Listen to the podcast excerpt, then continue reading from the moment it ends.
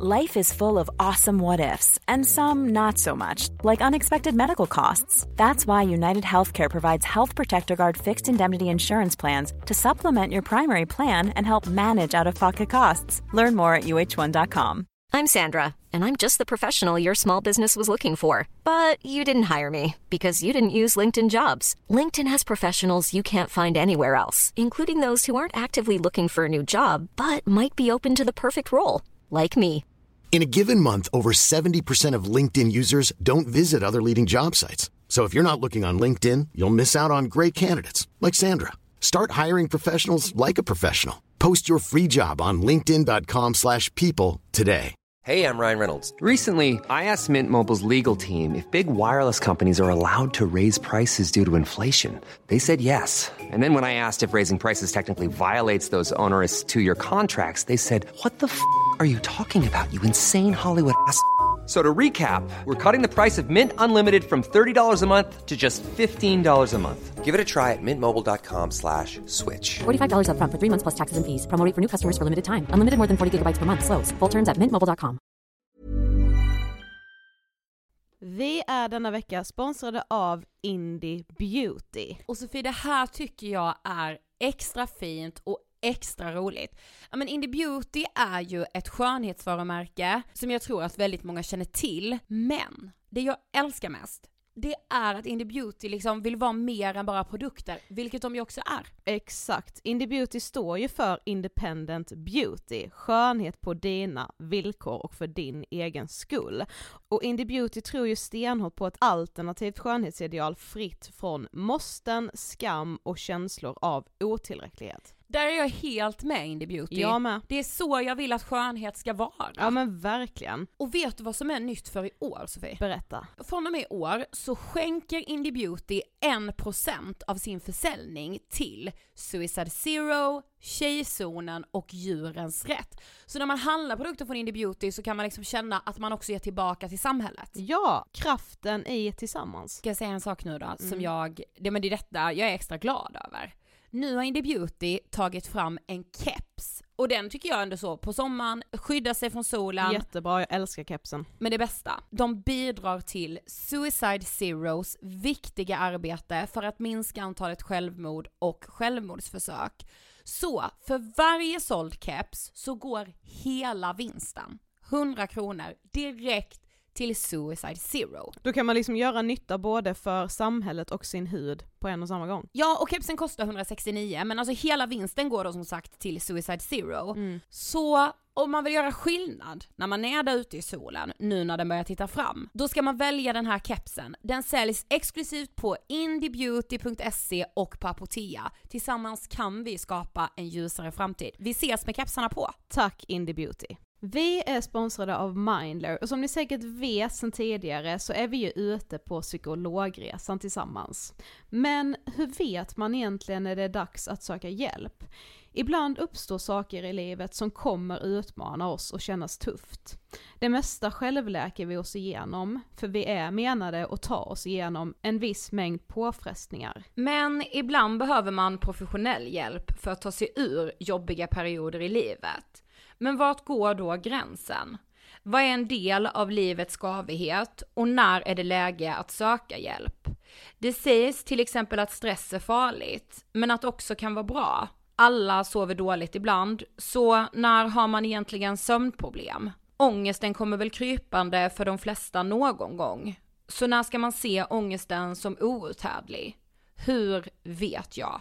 Med oss som psykolog har vi såklart min gamla psykolog Linnea Seidbrant. Men Linnea, vad är egentligen utmattningssyndrom? Utmattningssyndrom är en konsekvens av svår och långvarig stress utan möjlighet till återhämtning. Vi är ju då skapta för att klara av stress, men vi behöver också återhämtning. Om du utsätts för för mycket stress under en lång period utan att du får till den nödvändiga återhämtningen så kommer kroppen till slut att säga ifrån. Och det är faktiskt så att alla har en gräns. Du kan drabbas av en rad fysiska eller psykiska besvär som trötthet, sömnproblem, hjärtklappning, besvär från magen och tarmarna och mycket annat. Och det här är ju då varningssignaler och tecken på att du kan behöva göra någonting åt din situation.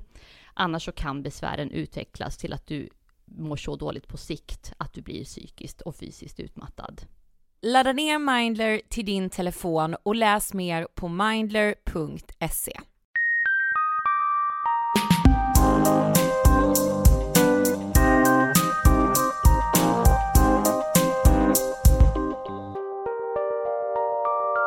Hej allihopa och varmt välkomna till avsnitt 333. Vad kul att säga det med Blekinge-dialekt. Ja, hej! Av Ångestpodden.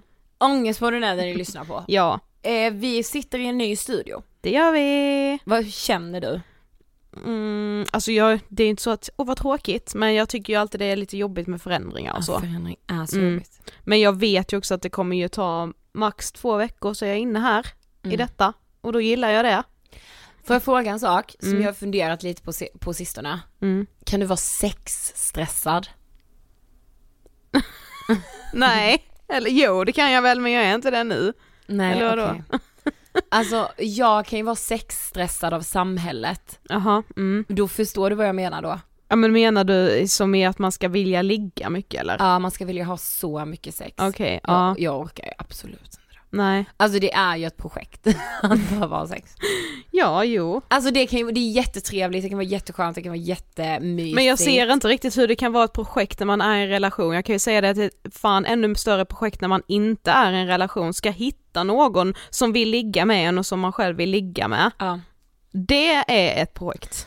Ja, ja det, och det fattar jag verkligen. Ja, Anledningen till min stress är att så här, jag behöver kanske inte så mycket sex. nej. Men så är jag så här, men samhället, eller så här, jag tycker att normen är så, men då har vi en dålig relation. Om vi inte har sex hela tiden. Fast jag tycker att det är väl ett kvitto på att man har en bra relation när den fortsätter vara bra utan att man har sex hela tiden. Och sen så här hela tiden, alltså jag vet inte, jag, ibland kan man säga, ah, nej, vad jag menar så... du med hela tiden? Ja men varje dag typ när man ses. Ja, Alltså förstår du? ja. Varje dag. Jag skulle aldrig, är jag hur gammal som helst? Nej eller? men jag vet inte vad Nej. liksom, jag har heller aldrig varit i en relation så jag vet inte hur jag skulle vara då. Nej, alltså jag vet, det här är så Jag konstigt att jag, men du vet jag skriver ner vad jag funderar på, jag har funderat jättemycket på det här. Ja, okej. Och min kille alltså hur orkar du fundera på det? alltså, Ja man har inte mycket annat att fundera på om det är Nej, det, men det är väl nej. skönt. Det Ja. är väl ett sundhetstecken. ja verkligen. Ja. Ja men alltså och det är det ju, alltså jag förstår, jag köper och förstår hela den. Mm. Men jag vet också att när vi gästade alla våra ligg med Anna och Amanda, Mm.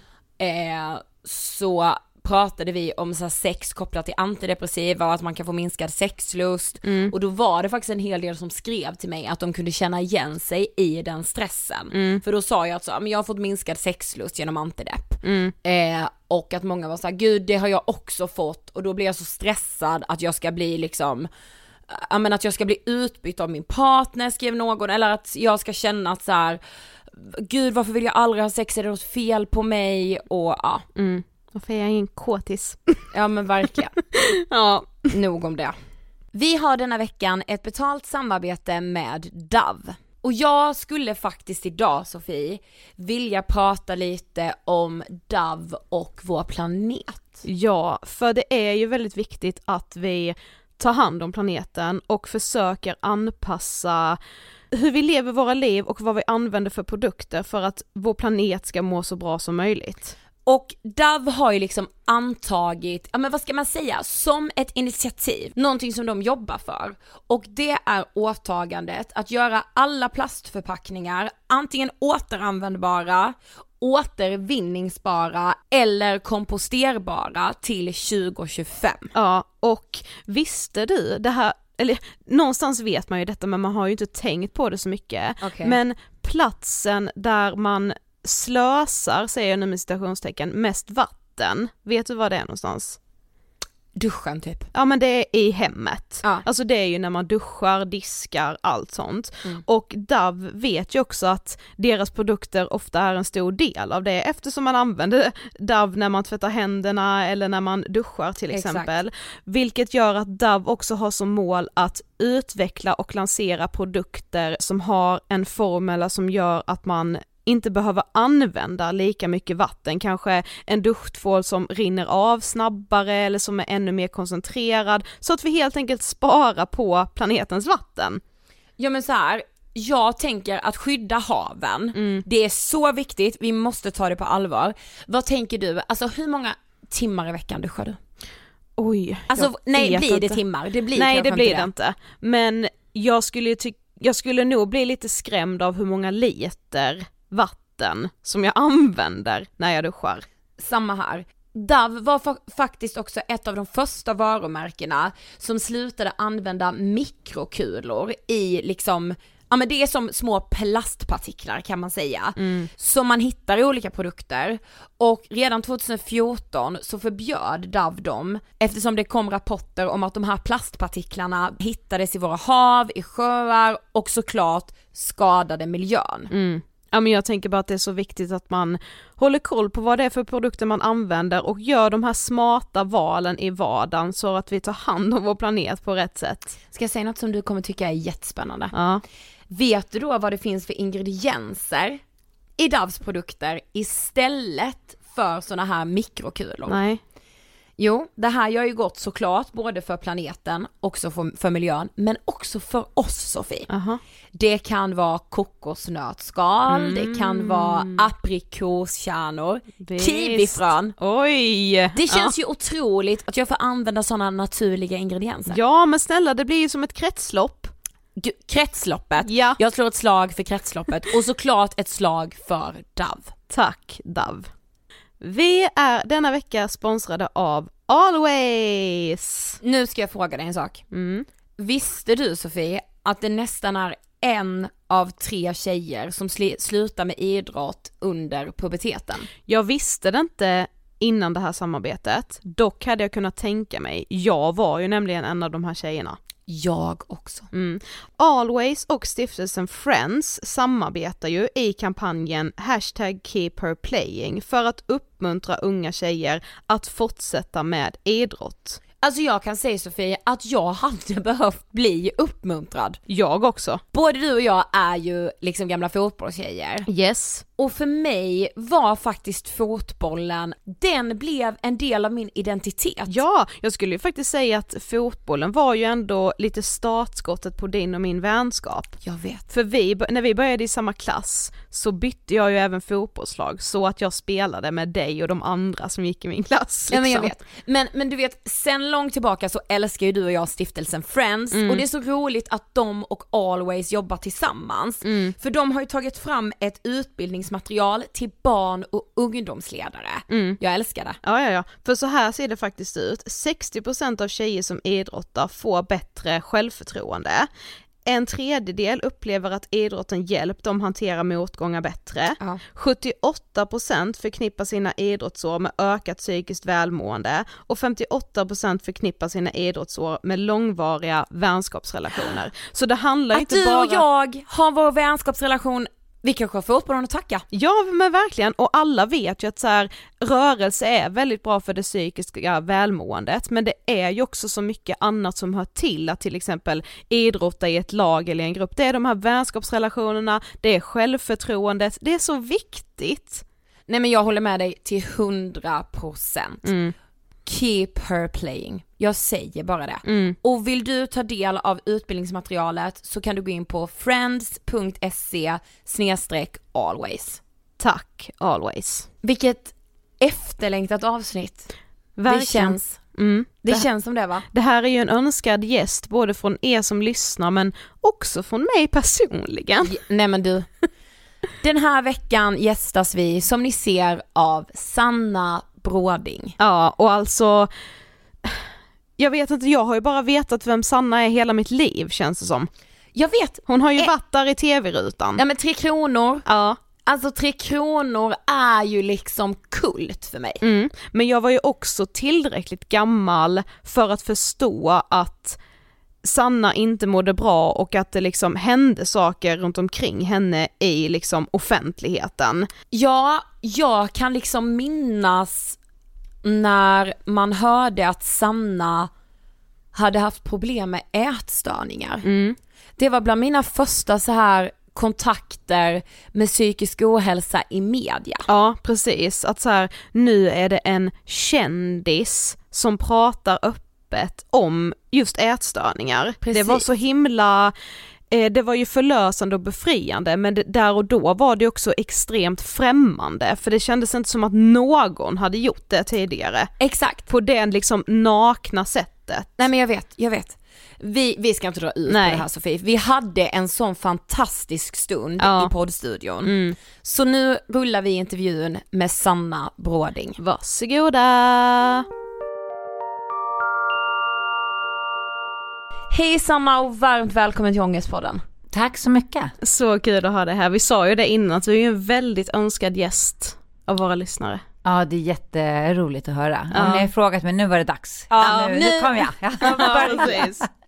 Men det ska jag få berätta för de som inte vet, vem är du? Alltid lika svår fråga. Vem är jag? Ehm, ja, Sanna Bråding heter jag. 41 år, Ehm, kan man ju inte tro. Nej det kan man faktiskt inte. Okej, Ärligt. jag drev. Nej det Men kan man eh, 41 år, ehm, två ensamstående tvåbarnsmamma på heltid. Har eh, levt eh, väldigt många liv på ett liv. Eh, så att själsligt känner jag mig ju mycket äldre än 41. Mm. Ehm, ja, alltså det är en, en kreativ, eh, en kreativ själ. Det är väl så jag skulle enklast eh, beskriva mig själv som är född högkänslig och eh, haft mycket eh, kamper inombords med mig själv och för att passa in i det här samhället genom hela livet. Mm. Men alltså när du kom in genom dörren, jag tänkte att vi skulle kunna vara jämngamla. Alltså att du är 41, nej men alltså, du, jag kan inte fatta. Och sen, kom, och sen kom vi fram till att ni var två år när jag började filma Tre Kronor, Exakt! när jag var 14. Ja vi kommer in på det. Ja, men ni är fina. Tack snälla. Men jag har absolut ingen åldersnoja överhuvudtaget. Jag älskar att bli äldre så det där drev jag med. Jag har hela mitt liv så jag var yngre längtat efter att bli äldre just för att jag har haft så mycket äldre vänner och det här väntar på att bli tagen på allvar. Tills jag någonstans förstod när jag var så här över 30 som jag trodde var någon sån magisk gräns. Att det kommer inte hända för det har med mig som person att göra. Alltså jag kommer Precis. inte, åldern kommer inte göra att jag får respekt. Utan det handlar om vilken respekt och kärlek jag har gentemot mig själv och vad jag utstrålar. Exakt. Eh, så att åldersmässigt så, det var mer ett skämt. Ja. Vad tänker du på när du hör ordet ångest? Jag tänker på många saker, just att ångest är så mycket mer än vad jag tror att väldigt många människor tänker på. Att ångest kan vara så, sätta sig så fysiskt och påverka så mycket när människor tror att de egentligen har någon sjukdom Ja. eller ett problem med hjärtat eller vad det må vara. Att ångest är så mycket, det är tankar vi och känslor som vi trycker undan och inte någonstans välkomnar upp till, till ytan och bearbetar så blir det ångest. Så att eh, det är ett väldigt stort begrepp. Men du växte ju upp i eh, Orminge i Nacka i Stockholm. Eh, med dina föräldrar och två bröder. Och nu när du liksom själv är mamma, du är 41 år, alltså så här, vad är ditt liksom, alltså hur ser du tillbaka på den uppväxten? Jag har ju tänkt mycket på min egen uppväxt såklart i och med att jag har egna barn och vad jag vill bära med mig och vad jag vill eh, förändra och göra på ett annat sätt. Eh, självklart, men jag hade en bra uppväxt på många sätt. Jag hade väldigt närvarande föräldrar, väldigt kärleksfulla föräldrar som är väldigt närvarande än idag. Eh, och just det jag bär med mig främst, det är deras tänk om att du är förälder hela livet. Alltså jag hade ju vänner vars föräldrar var så här, nu är du 18, tack och hej, nu får du fixa något eget. Och redan då kände jag så här, det här är så konstigt. Varför vill man inte ta hand om och umgås med sina barn? Eh, och tvärt, ja men du vet, ehm, det var ju också mina föräldrar emot. Men det är någonting jag, för det har jag ju fått uppleva eftersom jag har haft behov av att få hjälpa mina föräldrar i perioder när jag har varit på botten i mitt liv, även i, när jag har varit vuxen eh, i samhällets ögon. Så att det, det är främst det som jag bär med mig. Men sen så är det mycket annat med min högkänslighet och mitt behov av att bli sedd och få närhet och allting som jag känner att jag hade behövt mer av och en annan förståelse för eh, av mina föräldrar när jag växte upp som, som inte, jag menar, de är arv av sin generation, alla vi är arv av vår generation och arv, av en, arv av en tid. Eh, de flesta av mina vänner växte upp med föräldrar som inte sa att de älskade dem, för det är så här, ah, det var ett uttryck, det, ni vet ju det. Alltså det, det var in, det är så här, det är nästan inga, några få som var typ så här konstnärsföräldrar som var så här, jag älskar dig, Ja. det som har fått hört det. De flesta i min generation, så här, vi har inte fått hört det. Och det är någonting som jag känner så här, det har jag saknat. Jag har behövt det och det överöser mina barn med de orden och även visar då de orden och när jag, när jag liksom kan se dem säga det och uttrycka det från hjärtat till varandra och även till mig och behovet de har av att dagligen säga det på massa olika sätt. Mm. Det är så här, det saknade jag. Så mm. det är en sån grej som jag har plockat med mig. Men det är ju inte på något sätt någonting som jag går så här, det är inget agg mot mina föräldrar, utan som jag sa, det är ett arv och ja. en, en tidser. Alltså vi, vi har ett annat tänk om ett nära föräldraskap idag, mm. som många dock inte eh, använder eller bär med sig. Och vi har en, annan förståelse för eh, högkänslighet och vad, vad det gör och det så. Och jag har ju barn som är eh, framförallt en som är väldigt lik mig i sin högkänslighet. Och då, då vet jag ju så här, jag ska göra allt för att hjälpa honom att vägledas till det som jag saknade. Mm. Men har du inte det själv som vuxen, hur ska du veta nej, det? det går inte. Nej. Men visste du att du var högkänslig även när du var barn? Eller när fick du liksom, när förstod du det? Alltså det pratades ju inte någonting om det nej. då, nej. överhuvudtaget. Eh, jag, eh, jag förstod nog inte så mycket, men som barn föds du ut till en värld där du det enda du vet är din egen värld. Så är det ju än idag. Det enda, jag vet ju bara hur jag fungerar och tänker, men mm. jag har ju en annan förståelse idag. Jag kan läsa mig till saker, jag kan prata med andra, alltså det är mm. här, jobba med mig själv på ett annat sätt. Det gjorde jag inte som barn, men jag hade ju hela tiden en, en känsla av att jag var annorlunda. Och mm. eh, eh, just funderade mycket kring att jag kände in så mycket och bar så mycket på mina axlar, liksom hur andra mådde och hur jag skulle rädda alla runt mig och liksom låg och mm. funderade på det där. Och det kände jag så här, det gör inte så många runt mig, för det var ganska uppenbart att de inte funderade på samma sak som mm. jag. Så att jag förstod att jag inte kanske riktigt var som den stora mallen. Eh, och det fick jag också höra att jag var så konstig liksom, eftersom jag använde väldigt mycket eh, mina uttryck på olika sätt. Jag skrev mycket dikter, jag spelade mycket teater, jag hade mycket färgglada kläder. Alltså jag hade liksom, jag, jag ville hitta mitt själsliga uttryck för hur jag var inombords på mm. utsidan. Mm. Och det passade ju inte riktigt in, så att folk tyckte ju, jag fick ju många liksom kommentarer redan när jag var liten om att jag var konstig. Um, så att jag förstod att det var någonting, men det var någon gång i vuxen ålder som jag började fatta ordet högkänslig, mm. just att så här, aha, det är fler som, som är som jag och det är något man föds med och, ja men du vet. Mm. Så, men det är ju en del av min personlighet. Sen mm, bär jag mm. med mig själsligt vad, vad, alltså allt det jag har i själen och eh, min personlighet och hur jag formades av, det är så mycket som, som formas såklart. såklart. Mm. I, I arv och det sociala och sånt där, men, mm. men det är en del. Men när man läser din bok, eh, För mycket av allt, så får man en bild av att i er familj så betydde prestationer väldigt mycket. Alltså hur påverkade det dig tror du? Det tror jag också är en sån grej som eh, är eh, tidsenligt. Eh, att eh, även när jag pratar med, jag menar, det är inte så konstigt att typ 95% av mina eh, kvinnliga vänner i min ålder är utmattade, håller på att bli utmattade Exakt. eller kommer från en utmattning. Mm. Eh, det är som att eh, det var så. Det var, det var vi hade liksom kommit till en tid evolutionsmässigt när eh, vi började vara jämställda på ett plan men inte på ett annat. Exakt. Och då ville vi bevisa oss ännu mer. Och, så det är klart att det finns mycket i det och jag tror att många föräldrar ville uppmuntra det för att för att vara snälla, alltså det var mm, något positivt, så här, vad duktig du är och så här, vi hjälper dig och jag har ju föräldrar som verkligen hjälpt till mycket med läxor och alltså verkligen funnits där. Men eh, i mina ögon blev det ett fokus just att så här, mm. det är bra att vara, klara skolan och mm. men fixa allting och min storebror var väldigt bra i skolan, var, var liksom, hade läshuvud och var väldigt bra på alla de här ämnena som kemi och fysik och matematik och sånt som jag inte hade ett intresse i. Mm. Vilket gjorde att då kände jag mig ännu sämre och då behövde jag kompensera det på andra plan. Så att jag tror att det är ett väldigt um, väldigt vanligt eh, fenomen, eh, både idag men främst Alltså de som växte upp, eh, mm. eh, men jag tänker så här 80-tal, 90-tal någonstans mm, där. Det har mm. varit väldigt mycket så här, jag säger ju inte ens till mina barn att de är duktiga. Jag använder aldrig ens det ordet, utan jag pratar på ett annat sätt för att jag vet hur mycket det skadade mig. Men sen kan jag ju ändå se att det är ju någonting också vi har med oss olika mycket. Min, min äldsta son är extremt prestationsdriven inifrån sig själv. Och då har jag ändå liksom varit medveten om det här sedan start och verkligen jobbat emot det. Det spelar inte någon roll liksom. Nej, men då tänker jag så här, jag jobbar åtminstone emot det. Vad hade hänt om jag bara fortsatte att berömma allt Ja, han gjorde? precis. Alltså hur, Ja. vad hade hänt? Eh, så det är svårt att veta men vi bär ju också det med oss. Så det är svårt att veta så här, var kommer det ifrån? Exakt. Men, men eh, det var ju en, en, som sagt, en tid där vi pratade mycket så. Och eh, jag jämförde med mycket, framförallt min bror och ville bli sedd. Så här, typiskt mittenbarn också. Att, ja men då okej, han är så bra, om jag är som honom kanske jag blir mer sedd. Då, alltså rätt så var jag inte riktigt det. Och, det, det är så många olika parametrar i det hela. Men hur var skolan då för dig generellt?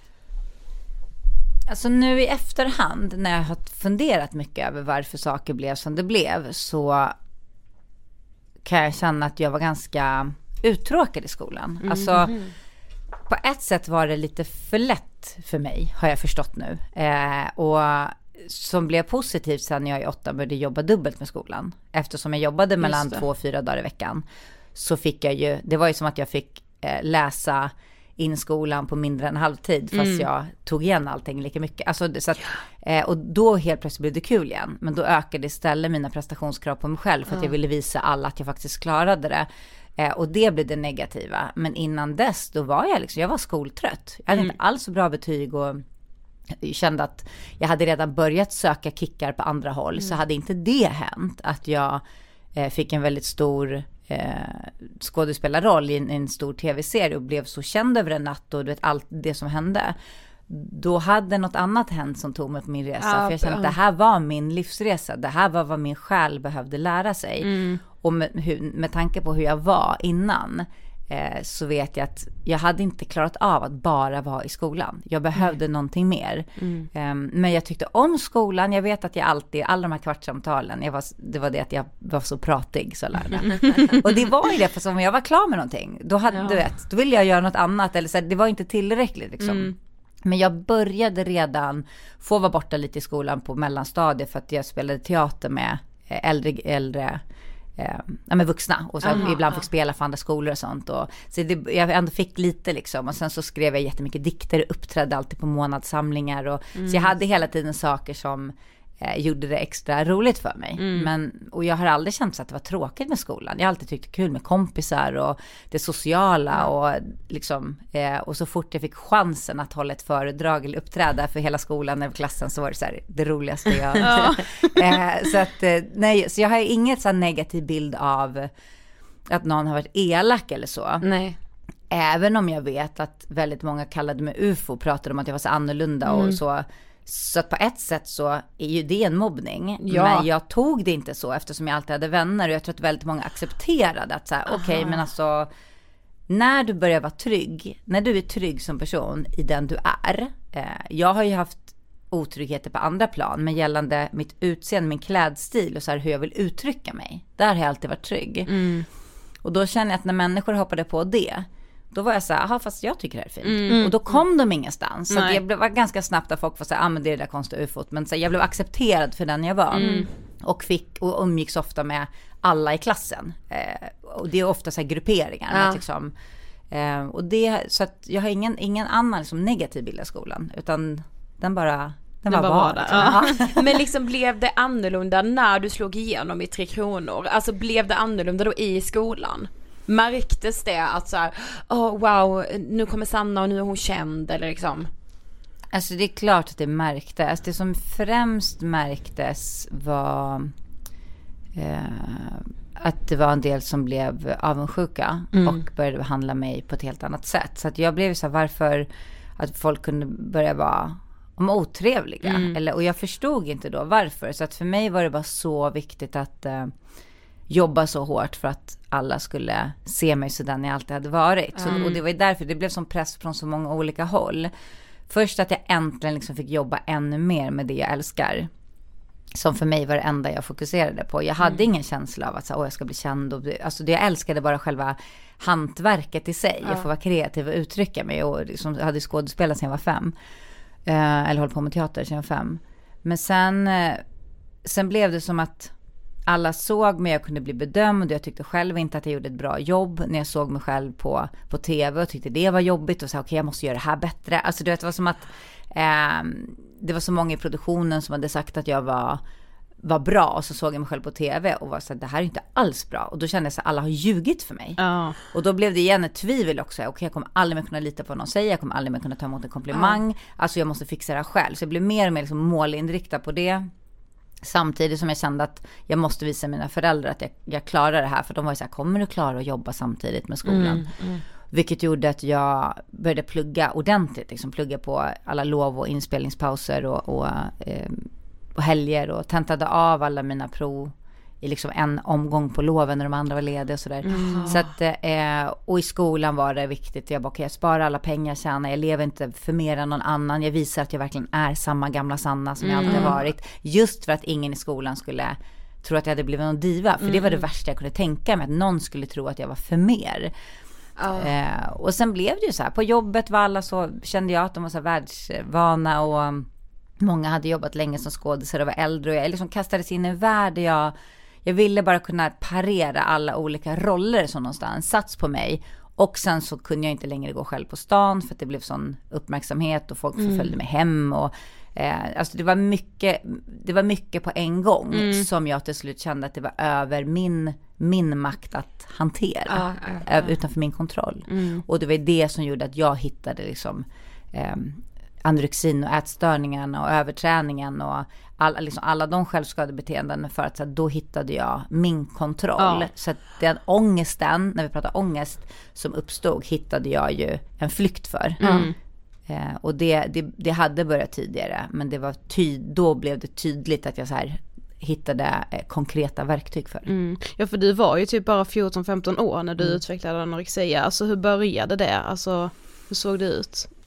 Alltså om man pratar om ångest som, eh, som grund, eh, som för mig egentligen är en, en flykt från vår, vår egen sårbarhet mm, i, mm. i grunden. Liksom. Alla vi människor har bär en sårbarhet och sen så kommer vi ut i ett samhälle som kanske inte är helt kongruent med oss, alltså som vi inte känner att vi passar in helt i, så måste vi hitta eh, ett sätt att så här, ska jag stänga av delar av mig för att passa in eller tvärtom. Mm. Och det är ju alla olika flyktbeteenden. Det, det, det är bara symptom. Grundorsaken är densamma. Mm. Men det hade ju redan börjat för mig när jag var yngre, just alla de här äh, vakna nätterna och alla mina tankar, funderingar över världen och eh, hur folk mådde i klassen och att det skulle bli krig. Och det var ju någonting som malde i mig, mm. som var väldigt jobbigt. Så att, eh, och det, för mig när jag går tillbaka i mitt minne så minns jag ju tydligt när jag var 11 redan hur jag hittade mitt första verktyg när min farmor dog som betydde så mycket för mig och jag var på hennes begravning och kände att jag redan hade stängt av, jag kunde inte gråta. Och då kände jag att jag är så känslig i alla andra lägen så mm. fick jag så dåligt samvete att jag inte kunde gråta. Det mm. blev liksom för mycket för mig. Uh.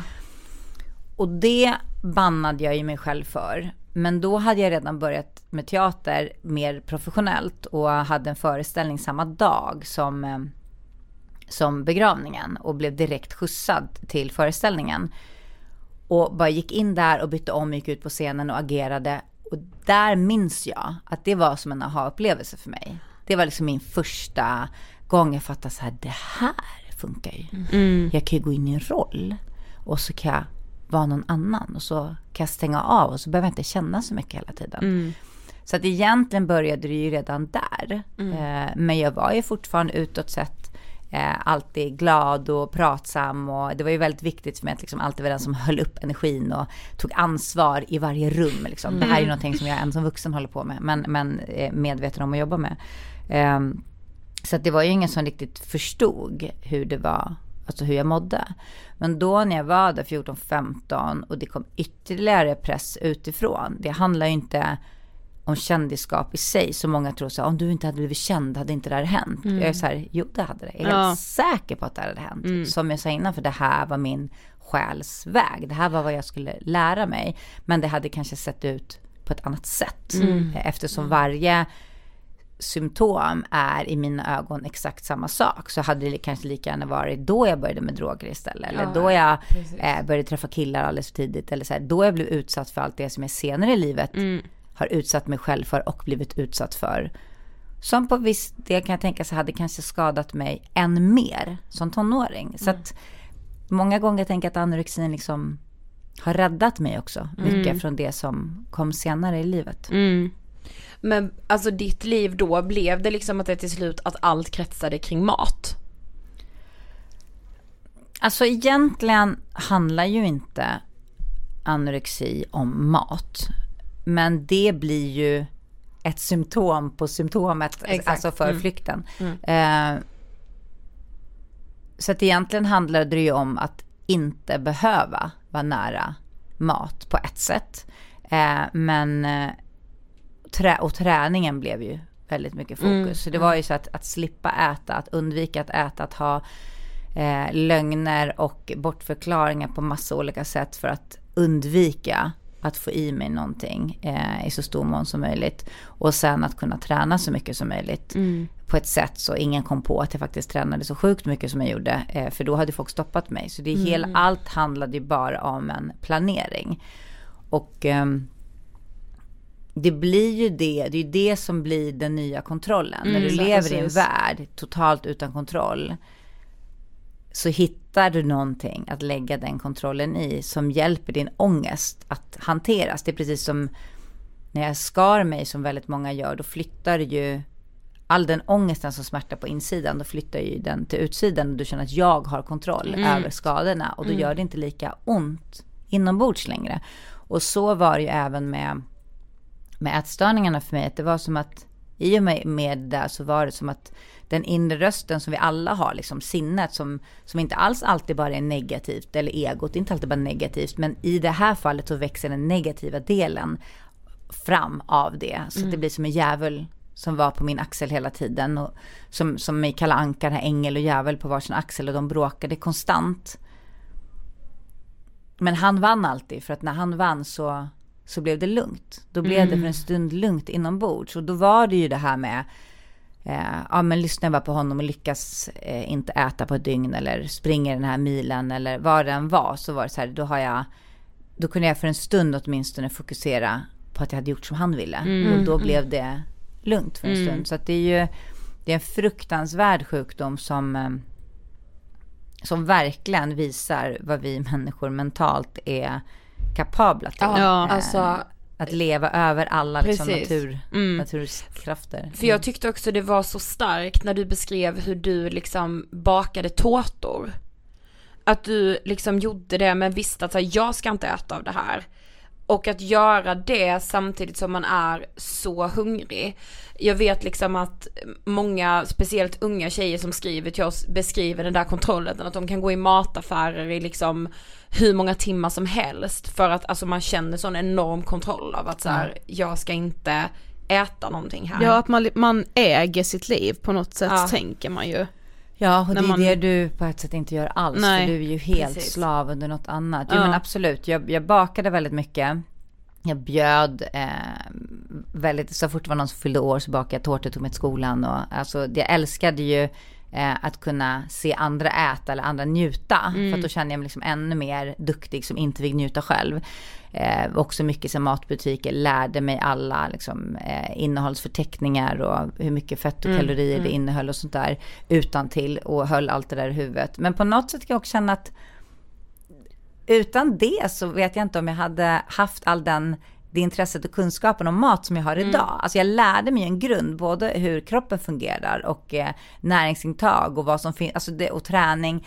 Så att jag, det var ju som en skola i sig. Så jag vill ändå aldrig, även om det förstörde min kropp mycket, så säger jag vill inte ångra någonting. För att det är ju det är delar vi, om vi bara kan plocka ut det positiva ur allt det tuffa vi går igenom, så växer vi av det. Ja, Så verkligen. att, men det var, en, en, det var många år som var eh, alltså fruktansvärda på många sätt, även om jag samtidigt hade mycket roligt såklart. Alltså i eh, mitt jobb och med mina vänner och i skolan och allting. Men det var väldigt mycket, väldigt mycket ångest. Mm. För sen får du en eh, träningsskada i knät Mm. eh, och då kommer alkoholen in i bilden. Berätta, hur var, alltså, hur var det? Då var jag 21 eh, och eh, då hade jag ju levt på det här sättet och verkligen späkt mig själv i så många år. Och eh, någonstans var jag bara så, så trött på det. Eh, jag var så trött på att var så hård mot mig själv och, och ha den där ångesten. Och det kändes många gånger som så här, jag kommer aldrig bli fri från det här. Och det var så, alltså framtiden var så mörk. Och så var jag också så trött på alla läkare och runt omkring som försökte förklara för mig hur sjuk jag var och hur eh, mitt skelett höll på att kalkas ur och att jag hade stannat i växten och att jag mm. nog inte skulle kunna få barn och allt det här du vet som man Alltså de säger det, det var ju sant, men det var också lite så här för att skrämmas. Men är du så pass sjuk som jag var och som många är, då tar inte riktigt de där argumenten. Nej, det jag, spelar ingen roll. Nej, för nej. jag kunde inte se en annan framtid. Och jag kunde definitivt inte se en framtid där jag skulle bli gravid, för det skulle innebära att jag skulle bli tjock. Mm. Eh, så att eh, om det ändå var sånt här lidande, då såg jag ändå inte så mycket mening med att leva. Så att det var som att, aha, och vad som händer i framtiden, jag kommer ändå inte leva då, men mm. jag, jag, vill inte ha den framtiden om jag mår så här. Mm. Så att det blev, det blev, det gjorde ingenting med mig. Men då eh, passade livet på att hoppa in där eh, och eh, eh, hjälpa till som vägvisare, vilket jag ofta gör. Och mitt ena knä eh, pajade och jag blev inlagd för operation. Inte en jättestor operation, men det var tillräckligt för att bli förbjuden att träna en tid framöver. Mm. Och det var ju såklart jättefrustrerande för mig, för att jag var så här, vad ska jag göra? Alltså all den, att få ut den utlopp för alla de mm. känslorna mm. och den ångesten och jag var van med den adrenalinet och endorfinen från träningen mm. och så, ja. så att det gjorde att jag någonstans omedvetet bara så sökte upp en ny väg och sånt här det är ganska svårt att förklara för det låter som att det är ett medvetet val och till viss del är det ju det. Det är inte som att här, någon tvingar dig att dricka alkohol eller vad det nu är. Men det sker ju som en omedveten process. Mm. Eh, precis som att helt plötsligt var jag väldigt sjuk i ätstörningar. Det är inget som kommer över natt. Nej, det så här, kryper sig på. Mm.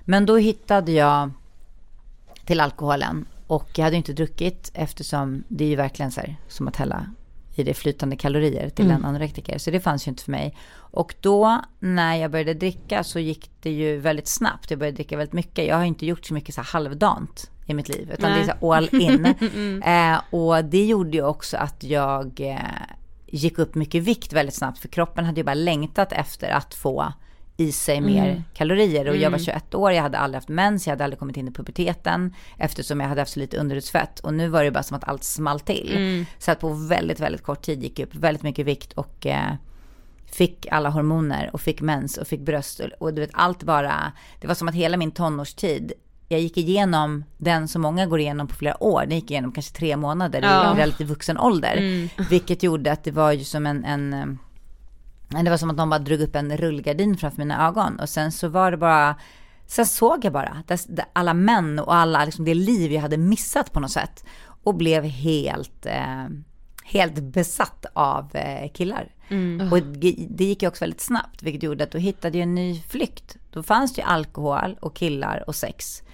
Och sen så eh, var det lugnt för en stund. Mm. Alltså det var så mycket nytt att så här, den där rösten tystnade för en stund. För att nu hade jag ju bara lagt all den ångesten i en ny flykt. Mm. Eh, en flykt som jag tror väldigt, väldigt, väldigt många i vårt samhälle gör utan att förstå att det är en flykt från Ja, ångest. exakt. För det är så nytt, det är så spännande, det är jättelätt att bara intala sig själv att det här gör jag bara för att jag mår bra av det och för att det är jävligt kul. Mm. Inte för att det skulle finnas en baksida av det liksom. Nej, exakt. och sen tänker jag också så här, vilka killar var jag träffade, hur behandlade de mig, vad tillät ja. jag? Alltså, det är så mycket sånt som jag tror att det är så många i det här samhället idag som både dricker för mycket, ursäkta det, som har sex på ett extremt mm. destruktivt mm. sätt, som har destruktiva relationer, som är medberoende, som har allt det här.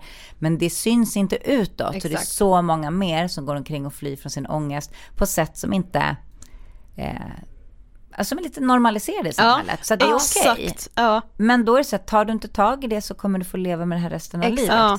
Och fy fan vad det är sant, ja. alltså just sådana saker som en sån, bara en sån sak som sex, att så här, det anses bara vara coolt mm, typ. Och alltså jag bara tänker så här, vår generation 90-talister, att mm. det är mm. så här, va men det är liksom det är vår rättighet och det är så nice och det är liksom, för så har man ändå personer som man har upplevt att så här, fast du vill ju inte egentligen ha det så här. Mm. Det är din jävla mur som är så här, jo men jag har sex bara för att jag älskar det så mycket. Mm okej. Okay. Mm. Är det verkligen så? Mm, alltså, så ja, var jag med. Så sant. Alltså jag mm. var ju helt så här, hur kan man inte älska sex och hur kan man inte ha det? jämt i en relation. Alltså det, jag kunde inte förstå när, Mm. när människor pratade om att det, så här, det är inte det viktigaste med en relation. Jag var så här, va? Alltså, hur kan det inte vara det? Och så var det ju för mig extremt länge. Mm. Även efter att jag hade eh, börjat jobba med mig själv i många, många, många år. Det är egentligen de senaste åren jag har landat i just den biten. Mm. Eh, att inte, okej, vad, vad var det jag egentligen jagade och Mm. varför? Och hitta den sunda relationen till det. Eh, Precis. och vad, vad, så här, vad tycker jag om och vad behöver jag? Och Mm. inte bara för att det ska vara något, något bekräftande eller en flykt för stunden. Mm, exakt, ja gud, det är så. Men, och sen då kommer drogerna in i ditt liv, hur sker det? Ja, det var några år där som eh, det gick väldigt snabbt. Det var, eh, jag började jobba mer och mer. Jag, eh, jag festade mycket. Eh, hade liksom, eh, ja men det var, det var mycket sex och killar och jobb och alkohol och, men du vet, det var, det var som att det bara, och sen så var det efter ett par år, ett par tre år, som, som eh, den där rösten började komma tillbaka i mitt huvud. Som eh, den som jag hade haft under hela uppväxten och började växa och tala om för mig hur, eh, hur vidrigt det var att jag hade tappat den kontrollen och hur äcklig jag var som var så tjock nu och alltså det bara, den, den liksom ökade och successivt började jag, det var säkert för att saker runt omkring hände som gjorde att jag tappade kontrollen mer.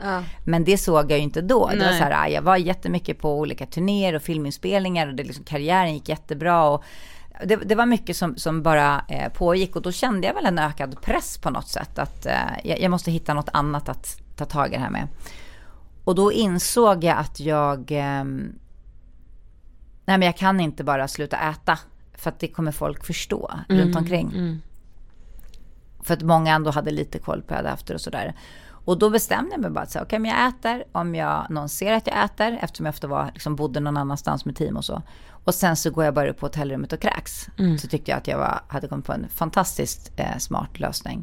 Så då utvecklade jag bulimi. Eh, vilket gjorde att jag började kräkas sju, åtta gånger om dagen. Och liksom jobbade eh, ja, i stort sett sju dagar i veckan. Och tränade varje dag och festade på nätterna. Och i allt det där så kom även drogerna in. Som liksom, När folk har frågat så här, hur var det nu? Jag bara, jag, jag kan inte minnas första gången. Jag men, minns inte liksom hur och när. Det var precis nästan som alkoholen. Nästan så här från en dag till en annan. Så var jag bara all in i en helt ny värld. Ja. Eh, men jag vet att det började med efedrin som jag fick någonstans när jag tränade. Som är mer som en träningsdrog. Eh, och eh, kände väl så här, okej, ja den, den ger effekt på visst sätt. Men min kropp ville inte den, jag blev så här skakig. Det var som att jag bara letade mig vidare. Och kom väldigt snabbt in till kokain.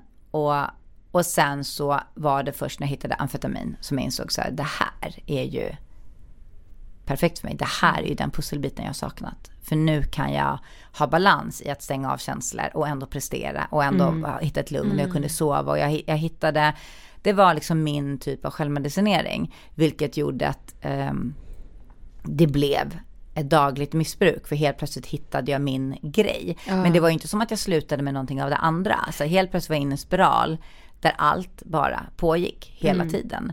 Och jag också, i och med att jag är sån, eller uppenbarligen har varit åtminstone sån, som går väldigt all in i någonting, så kommer jag väldigt snabbt in i de kretsarna där Hey, I'm Ryan Reynolds. Recently, I asked Mint Mobile's legal team if big wireless companies are allowed to raise prices due to inflation. They said yes. And then when I asked if raising prices technically violates those onerous two year contracts, they said, What the f are you talking about, you insane Hollywood ass? F- So to recap, we're cutting the price of Mint Unlimited from $30 a month to just $15 a month. Give it a try at mintmobile.com slash switch. $45 upfront for three months plus taxes and fees. Promo for new customers for limited time. Unlimited more than 40 gigabytes per month. Slows. Full terms at mintmobile.com. Hiring for your small business? If you're not looking for professionals on LinkedIn, you're looking in the wrong place. That's like looking for your car keys in a fish tank. LinkedIn helps you hire professionals you can't find anywhere else, even those who aren't actively searching for a new job but might be open to the perfect role. In a given month, over 70% of LinkedIn users don't even visit other leading job sites. So start looking in the right place. With LinkedIn, you can hire professionals like a professional. Post your free job on linkedin.com/people slash people today. Everyone knows therapy is great for solving problems, but getting therapy has its own problems too, like finding the right therapist, fitting into their schedule, and of course, the cost. Well, BetterHelp can solve those problems. It's totally online and built around your schedule. It's surprisingly affordable too. Connect with a credentialed therapist by phone, video, or online chat, all from the comfort of your home. Visit betterhelp.com to learn more and save 10% on your first month. That's BetterHelp H E L P.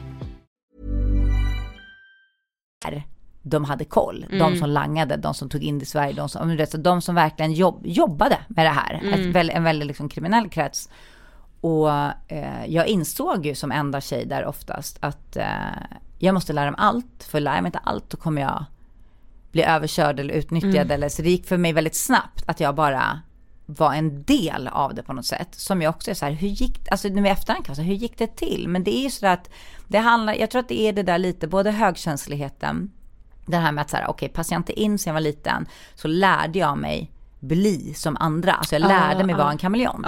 Så jag har någonstans i hela mitt liv testat olika världar för att se så här, passar jag här då? Passar jag här då? Passar jag här? Och nu blev det ytterligare en värld, jag var så här, kanske passar jag här?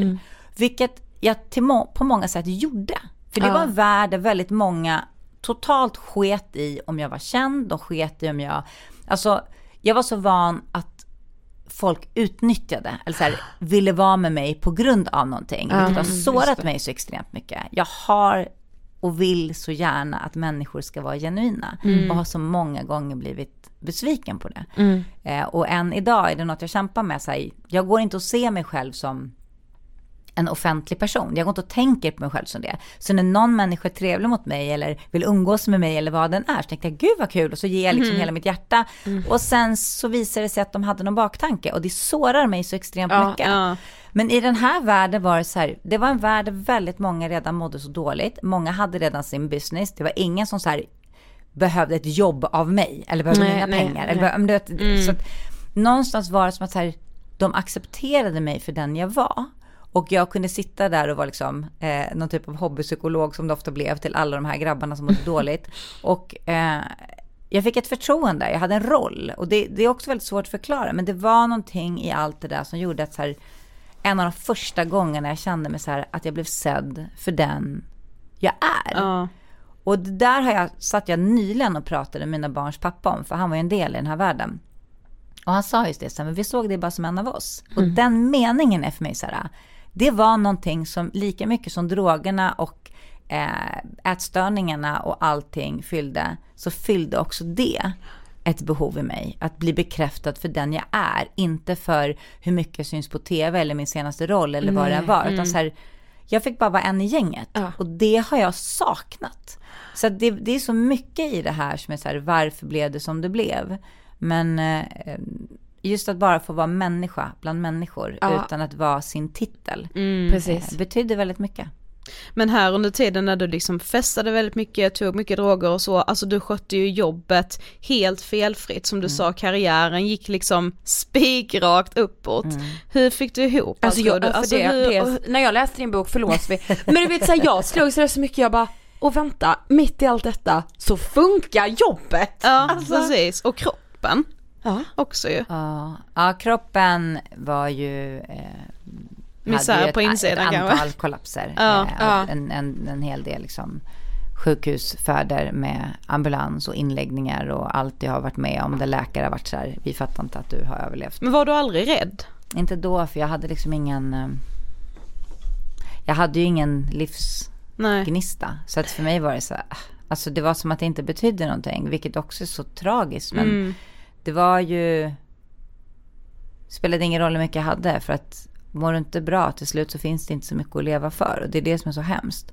Men eh, karriärmässigt så är det ju prestationen. Det är ju lika mycket flykt som allting annat. Att prestera det till bekräftelse. Som jag lite fick vila ifrån uppenbarligen då. I liksom de kretsarna jag hamnade i. Men jobbet var ju där jag hela tiden ville prestera på topp. Så att i min värld fanns det inte så här komma för sent. Eller missköta sig. Eller vara otrevlig på jobbet. Eller inte kunna min text. Eller alltså vad den var. Så det, var, det har ju alltid varit extremt viktigt för mig. Att utåt sett hålla upp en perfekt fasad.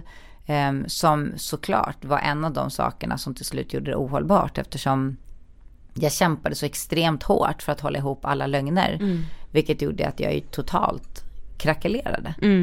Jag tappade ju hela mig själv i, i någonstans jakten på att finnas där för alla andra och, och liksom funka i det här samhället. Men var det aldrig någon som såg igenom de lögnerna? Alltså lyckades du ändå lura alla? Nej, och ju mer tiden gick, desto fler såg ju. Och ju mer tiden gick, desto mer släppte jag sakta också på garden. Ja, för att jag ville så gärna få hjälp. Mm. Och jag var inte kapabel till att be om hjälp. Mm. Någonting som jag i efterhand har insett är det starkaste en människa kan göra. Men då var jag alldeles för svag och för rädd för att be om hjälp. Mm. Så att till slut så var det som att jag gjorde mitt levande mer och mer synligt för att någon åtminstone till slut skulle se mig. Ja. Och det var ju det som också hände när den 28 april 2008 när polisen grep mig och min kille. Eh, så att, men det var folk på jobbet. Jag vet att det så här, under tiden vi filmade Idol vet jag att det var en, en av de som jobbade i produktionen som var som jag märkte var orolig. Och det var jobb, det är jobbigt att bli eh, genomskådad. Mm. Eh, men det var ju också henne jag någonstans kunde visa det lite för. Så här, när jag kom ihåg att jag hade glömt vart jag bodde. Så här, för att det var så mycket. Och då kunde jag vara så här, kan inte du beställa en taxi för jag har glömt min adress typ. Och det är klart att hon fattar att det inte stod rätt till. Mm. Men hon, alltså. Det är svårt som enskild människa också att, att eh, om personen i fråga inte vill prata. Ja, det är jättesvårt. Jag inte ville. Mm. Um, och Mogge som en av mina bästa vänner än idag, som jag både jobbade med under hela tiden på Tre Kronor, men också eh, var den andra programledaren i Idol. Mm han eh, förstod ju mer och mer, framförallt under Idol-turnén, hur illa det var med mig. Och mm. en gång kom jag ihåg att han eh, kom på mig när jag kräktes på hotellrummet och blev så fruktansvärt arg. Och han var på middag hos mig häromdagen och då pratade vi precis om det här. Aha. Och då sa han så här, nej men då sa han så här, det var så, det var så jobbigt för mig. För det var som att jag började täcka upp för dig. Alltså, han bara, det var sån ångest när vi hade så lunch och jag visste att så här, nu kommer hela det här skådespelet där ja. hon ska liksom eh, fixa det här. Och han sa det att det, det, han bara, så för mig blir det lättare att vara så här, jag och Sanna går och äter ute istället. Alltså han hittade på saker för mm. att slippa att jag skulle göra det. Och jag sa det, det, det är så här, jag bara, det är så hemskt att du behövde ta den rollen. Mm. Men det är ju också så tydligt, det är ett medberoende som, som ja. familjemedlem med vänner, du vill väl. Mm. Men är det det rätta att göra? Ja, gud, mm. nej det är det ju inte. Nej, nej, man, nej. Alltså fan vad många alltså, kan relatera, jag kan också göra det. Mm. Och att man just så här man bara såhär, jag får ta den här jävla pucken nu. Mm. Och man är ju bara med och målar upp fasaden, man är bara med och Precis. så här. För nu... på något sätt blir det ganska plågsamt att eh, som nära vän se det här skådespelet. För man mm. ser ju att det där är inte du, vad håller du på med? Nej men det är alltså, också bara... plågsamt om det skulle fallera. Ja. Alltså då är det är som att man känner så mycket med sin vän eller familjemedlem. Mm. Alltså så man, eller liksom Mm. Man vill inte heller, alltså att det ska krackelera nej. på något nej. sätt. Nej alltså. men det är ju, nej det är ju det. Men så att, så han visste ju, och för mig var det ganska skönt att han visste. Mm. Eh, och, men ändå så lät jag ju ingen, jag lät ju ingen komma in och hjälpa mig liksom, på det sättet. Jag behövde ha den resan jag fick. Hade det, för jag har tänkt på det många gånger, hade polisen kommit bara ett år, de började spana på oss ett år innan. Just det.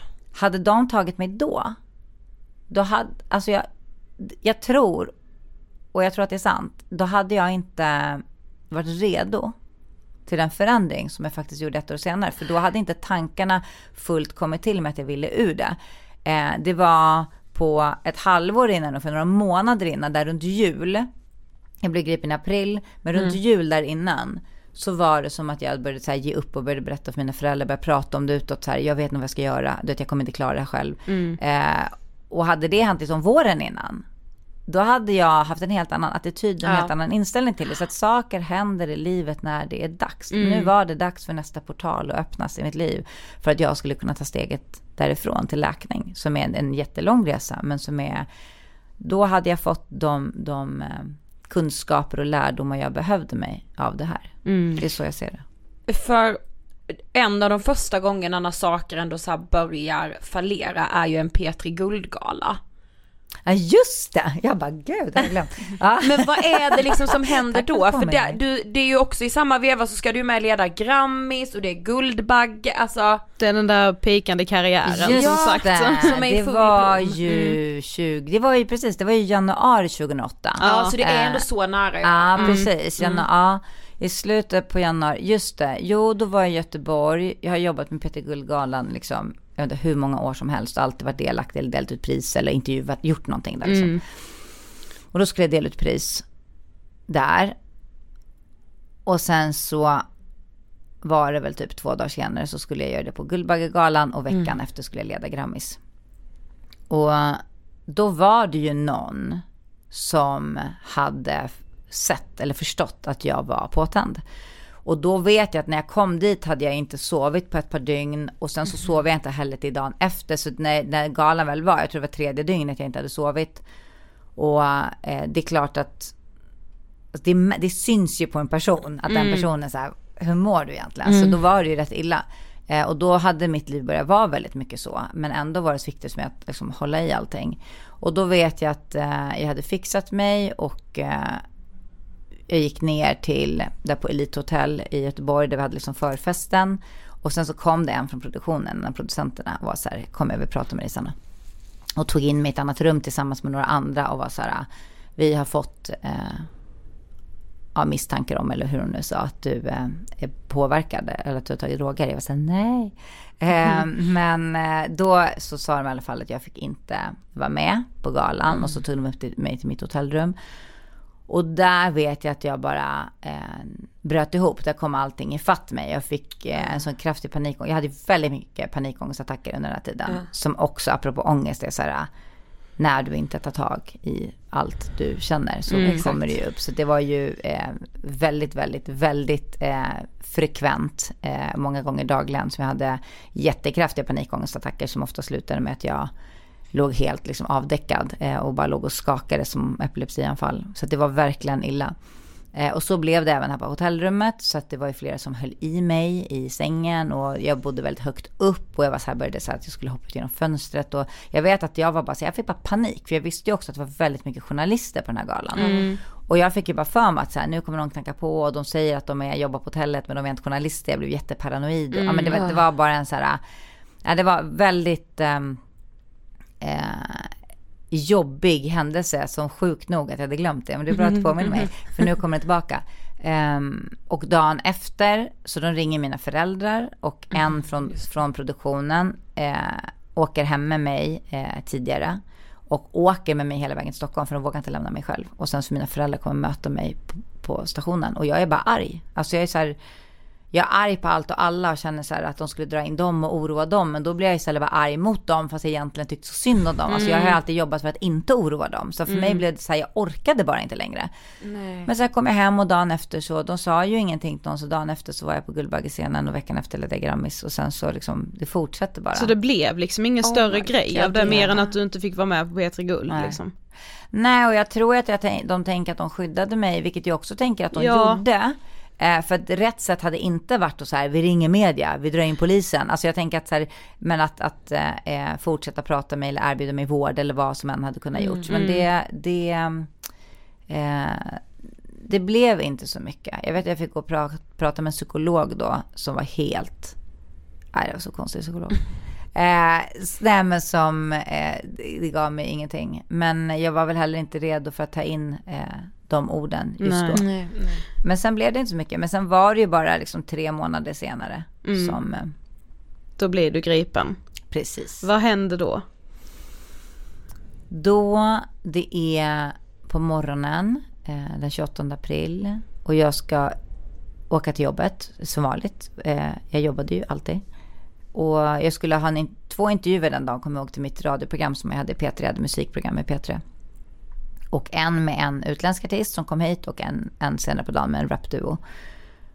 Och sen, och då hade jag ju känt på mig en tid, det är väl också en del av min högkänslighet eller eh, min, min spirituella sida, att jag ofta, när det är någonting så har jag ofta fått alltså, tecken på det innan. Eller, så att jag hade känt på mig ungefär sen, eh, sen hösten, några månader tidigare, när jag hade börjat prata med mina föräldrar och berätta för folk hur det var.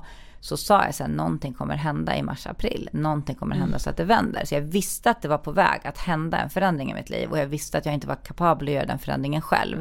Det är så jag har uttryckt mig till folk liksom runt mig innan. Så att när det på, tidigt på morgonen och jag står inne och sminkar mig i badrummet och det knackar på dörren. Eh, så vet jag direkt vid första liksom, knackningen eh, att det är polisen. Så att jag går ut till min kille som låg, han har varit på efterfest och precis kommit hem, han låg och sov i soffan. Och så sa jag bara så här, det är polisen. Och han var så här, men du, alltså du bara nojar. Och jag var så här, nej det är polisen, jag vet det. Och då knackade de igen och var så här, det är polisen, vi vet att ni är där. Ja. För de hade ju haft full koll när vi kom hem och allting. Och då visste jag att så här, jag måste, nu är det bara att möta det här. Eh, så då tog jag ett djupt andetag och gick och öppnade. Och då var det fem poliser, som, eh, två kvinnliga som tog tag i mig och tre manliga som drog upp min kille ur soffan och tryckte ner honom borta på, i hörnet på vardagsrumsgolvet.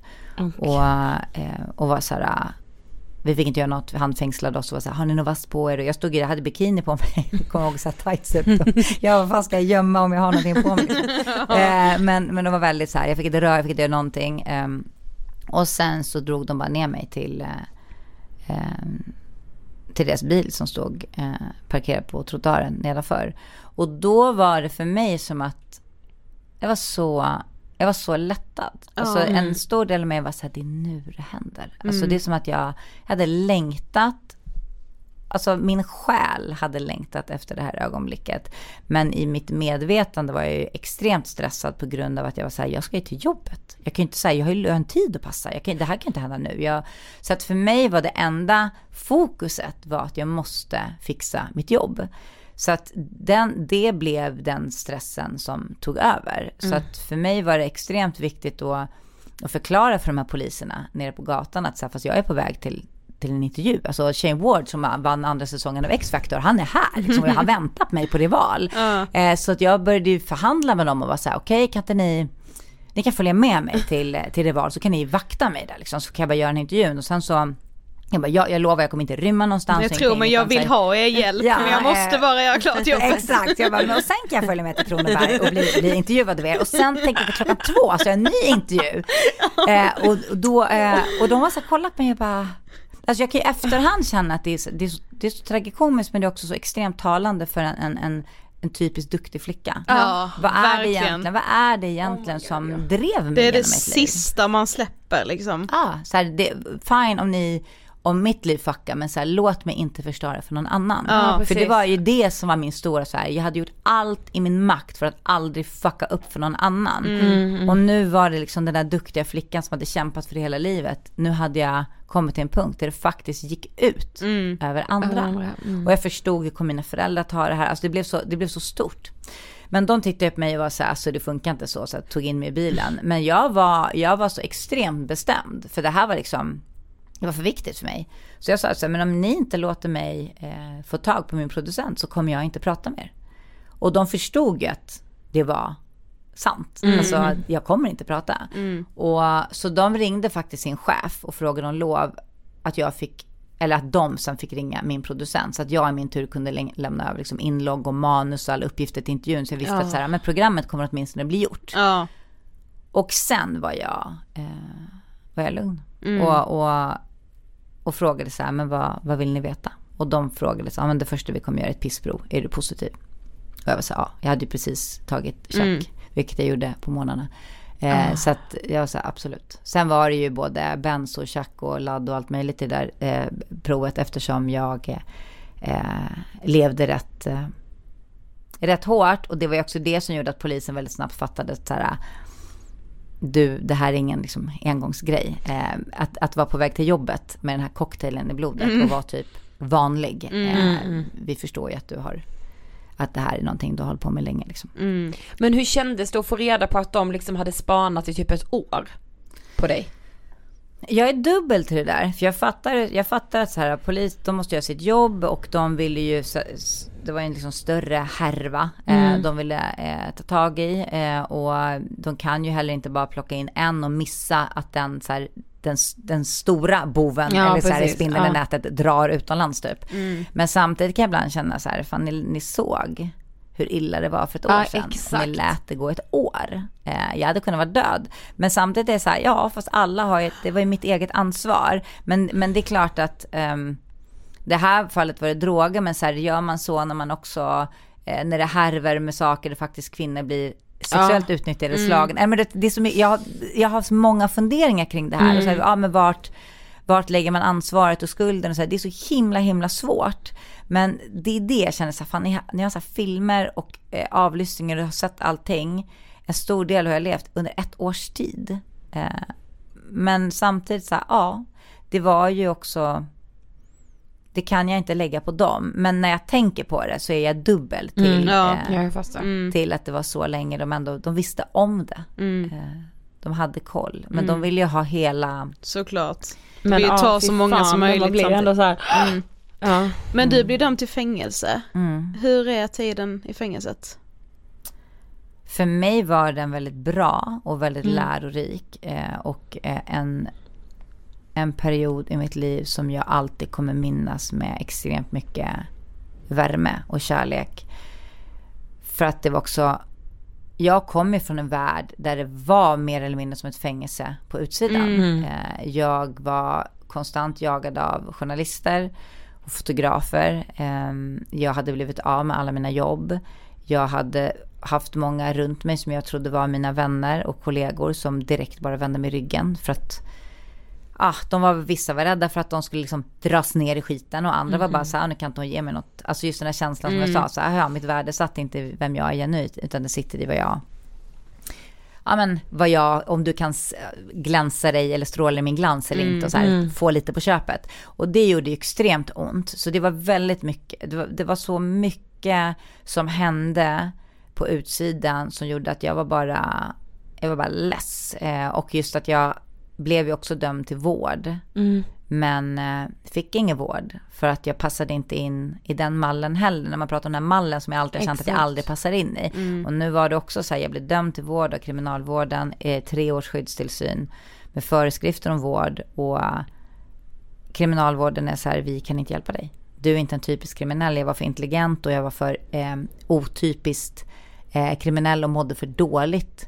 Och så de var så här, du får söka hjälp själv. Och jag var så här, fast jag, Men- vad ska, alltså, jag är ju dömd till vård. Det Ja. måste finnas, om inte tolvstegsprogrammet passar mig så kanske det, det finns det inget annat. Ja, exakt. precis. Nej. Eh, och sen så blev jag utredd på beroendecentrum och de var också så här efter alla utredningar, så här, men Sanna du är varken narko, al- alkoholist eller narkoman, du är anorektiker. Det är det som är ditt problem och det kan inte vi hjälpa dig med. Eh, du får, det får du söka hjälp för själv. Och sen så efter väldigt mycket om och men, liksom mitt liv hade varit ännu mer prövat, eh, så fick jag till slut en, en psykologkontakt. Och det här var typ bara några dagar efter att jag hade blivit våldtagen av en kille som jag verkligen litade på. Så det var ytterligare en så här, du vet, jag bara kände så här, min värld bara eh, rasade. För det fanns liksom ingen att lita på, så kände jag. Och jag kände mig så extremt ensam. Och då fick jag till slut en tid efter mycket kämpande på en, en eh, psykiatrimottagning på Östermalm. Och kom dit och då hade jag ändå varit så här, nu ska jag fixa det här och liksom tagit tag i mitt, mitt gamla anorektiska jag. Jag kom dit i tid och liksom berättade allt så här, så här har det varit och, eh, och, och, och fick till svar där att ja, han var ju förvånad den här psykologen över att jag berättade att jag hade liksom blivit lugn av amfetamin. Men utöver det så tyckte han att så här, du kom hit i tid och ser ändå ut att må bra. Och det finns ju faktiskt de som inte ens klarar av att komma hit. Så att jag är ledsen men du mår för bra för oss. Och då kände jag att så här, okej, så jag mår för dåligt för kriminalvården, jag mår för bra för psykiatrin, jag passar inte in i någon beroendeenhet. Och, och alla var bara så här, lös det själv och eh, arbetsgivarna och medias bild var ju så här, ah, men hon får väl skylla sig själv om hon har valt att knarka. Eh, vilket för mig har gjort så här, men vad fan så säger man inte till en anorektiker som hon får skylla sig själv, hon har ju valt att svälta sig. alltså det är bara att äta så går det upp i vikt, det är inget konstigt. Det är så här, det är, det är sån skev bild på hur vi ser på, på människor. Och jag hade ju levt i en värld där väldigt många mådde dåligt. Där väldigt många kom från eh, extremt tuffa bakgrunder och uppväxter. Och jag hade ju varit den som ofta satt och snackade med de här. Eh, som jag hängde med. Och liksom fick veta så vidriga historier från liksom papper som utnyttjat dem sexuellt och allt våld i hem. Och du vet, det, det kommer ju någonstans ifrån. Ja, Eh, så att när jag väl eh, hamnade på Färingsöanstalten, jag började med att sitta på deras låsta avdelning, så märkte jag även där att de som jobbar som plitar, alltså vakterna där på fängelset, de hade ju också en, en förutfattad bild av mig. Alltså vi alla går omkring med massa fördomar och valda sanningar och det här som gör att vi dömer varandra så lätt. Och det är det jag säger, det är därför jag skrev min bok. Jag är mm. så här, fan vi måste förstå att vi måste tänka efter vad det är vi dömer, för vi, vi bara speglar av varandra. Så jag kommer dit och de eh, är väldigt kaxiga. Och jag kommer dit i så här bag jeans och jacka typ och verkligen inte som att jag så här, så här nyrakat hår och liksom, det är inte som att jag kommer dit och är så piffad och tror att jag ska på någon gala. eh, men de var väldigt snabba med att liksom förklara för mig att bara så att du vet så kommer du inte få någon specialbehandling här och du kommer hamna på den, den hårdaste avdelningen av dem alla, liksom, där, de, där de värsta sitter. Och, och jag var så här, ja. Eh, och, och jag sa att jag, jag har inte förväntat mig något nej, annat heller. Liksom. Nej, precis. Varför skulle du? Alltså... Så de följer mig dit bort till avdelningen och jag känner att det bara var så här, jag, alltså du kan vänta, jag, jag, jag klarar mig själv nu. Så jag bad den som följde med och, och liksom lämnade mig utanför och var så här, men alltså klarar du det här? Och jag var så här, ja men alltså hur... Eh, jag kommer ihåg att jag stod där för dörren och bara, men hur farligt kan det vara? Mm, alltså, mm. det här är ju bara människor, precis som alla andra och människor precis som jag som har hamnat här av en anledning. Och dessutom människor som är väldigt lika många av dem jag hängt med senaste åren. Mm. Och jag har ju snarare blivit besviken på helt många som i andras ögon jävla uppstyrda. Men när mm. det kom ja, till kritan så var de inte så genuina och mänskliga. Och här kände jag att så här, eh, ja men det är som att något lager på många är bortskalat och många har en annan genuin yta när det liksom har, när livet har fallerat mm. lite. Så att jag eh, gick in där och snackade med alla och det var ju verkligen människor, såklart, precis som vem som helst. Jag kom många nära och jag fick höra många historier som också visade sig vara så lika min egen. Mm. Skillnaden var bara att många av dem som nu var äldre och hade åkt in och ut mer eller mindre hela sitt liv, de hade inte haft samma grund eller något nätverk att falla tillbaka på. Men många av dem som sågs nu som några av de värsta i liksom, samhällets ögon, hade också vuxit upp som duktiga flickor mm. som hade svultit sig och presterat, men någonstans senare hamnat in i ännu värre kretsar och sen inte lyckats komma därifrån. Mm. Och det är därför jag, det är så viktigt att alltid påpeka att det finns alltid ett varför. Det mm. finns alltid en anledning att vi hamnar där vi hamnar i livet. Och vi ska vara jävligt försiktiga med att döma andra människor för plötsligt är det din väg som tar en kraftig vändning och det är du som hamnar helt snett. Mm, Vi vet aldrig vad som väntar runt nästa krök i livet.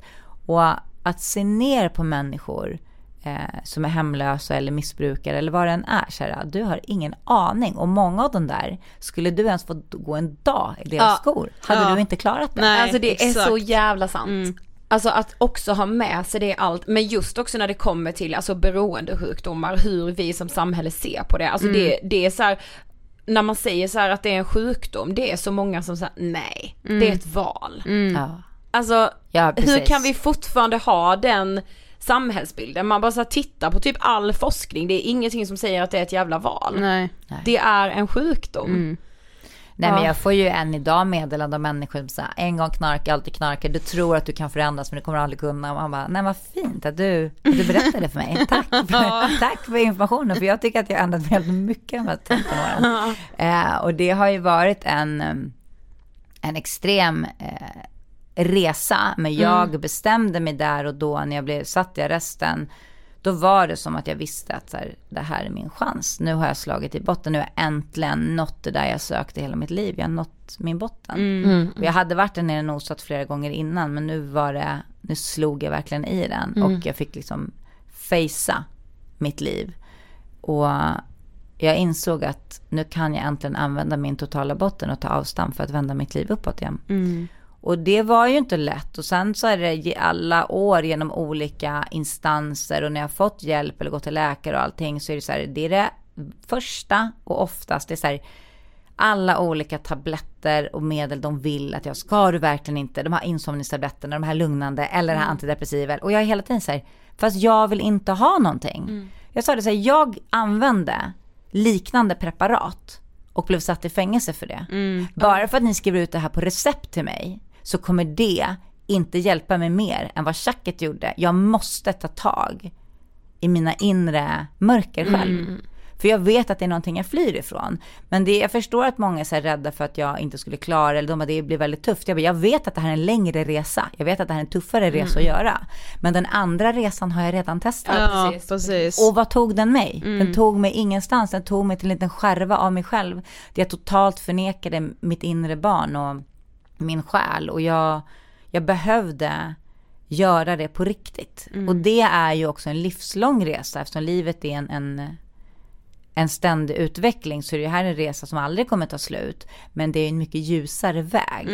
Där jag hela tiden kan lära mig nya saker och när livet prövar mig extra nu så har jag också mycket, mycket fler verktyg med mig i min ryggsäck som livet har lärt mig än att jag bara skulle fortsätta att dämpa allting och fly. Men har du hittat ditt varför? Varför jag hamnade där jag hamnade? Jag tror att det finns många olika delar till det. Eh, en del är såklart min känslighet. En annan del är min, min, mitt prestationstänk och liksom min jämförelse med mina syskon och alla sådana saker.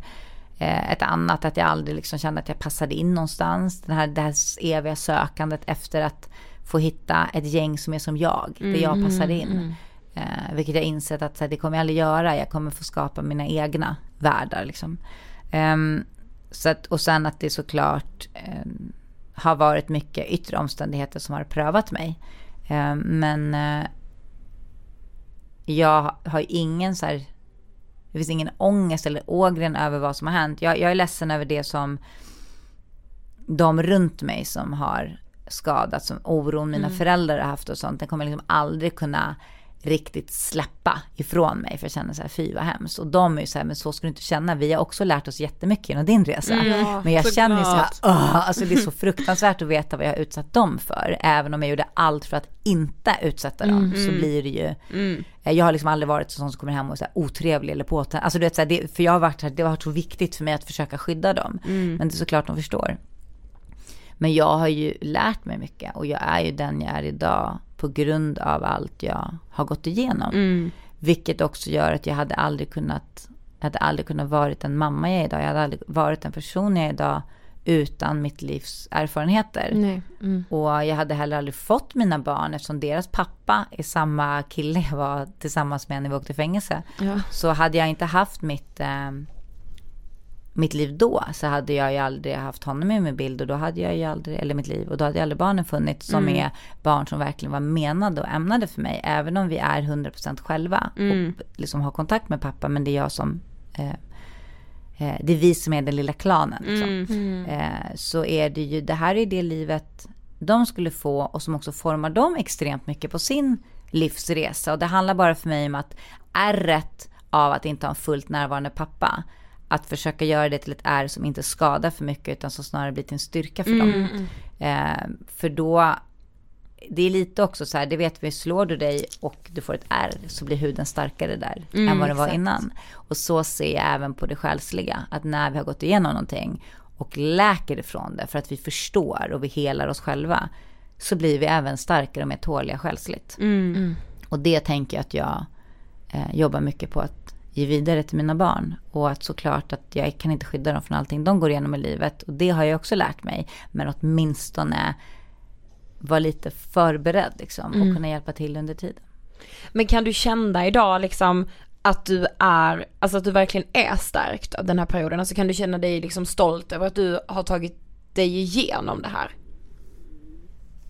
Alltså både och. Eh, jag kan känna mig lite så här kantstött eh, för att jag vet att mycket av mina upplevelser som jag har varit med om, den här känslan av totalt utanförskap och att när det väl kom till kritan var jag inte värd någonting utan bara liksom min, min eh, eh, kända persona och att inte bli liksom insläppt i de fina rummen igen eller så här är jag, alltså allt det där, det sitter djupt i mig just, eh, och det har jag märkt i olika situationer även nu, nu på senare tid.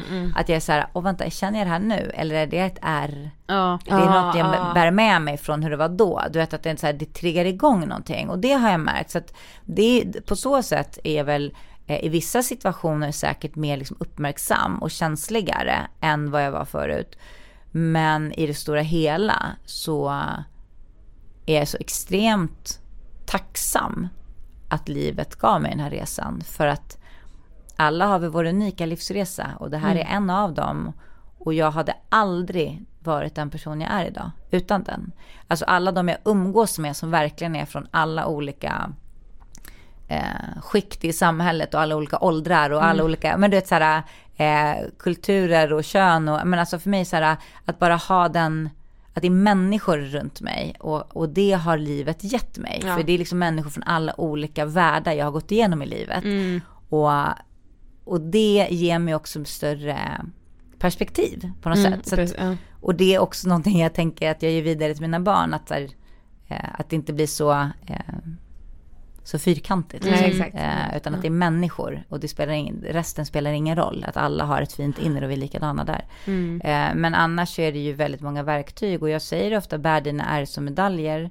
Och det är väl det liksom mottot som jag bär med mig mest från den här resan. Att Skäms aldrig för den, den du är och det du har gått igenom. Göm ingenting i garderoben. Alla de där gamla, så som jag växte upp och många med mig, att så här, familjehemligheter håller Ja, man för sig själv. Och det här, berätta inte det här för någon för då kan de ändra åsikt om dig. Så här, fan berätta. För dina vänner och den som älskar dig ska liksom tycka om dig för den du är. Och du är inte den du är idag. Utan allting du har gått igenom. För det har format dig.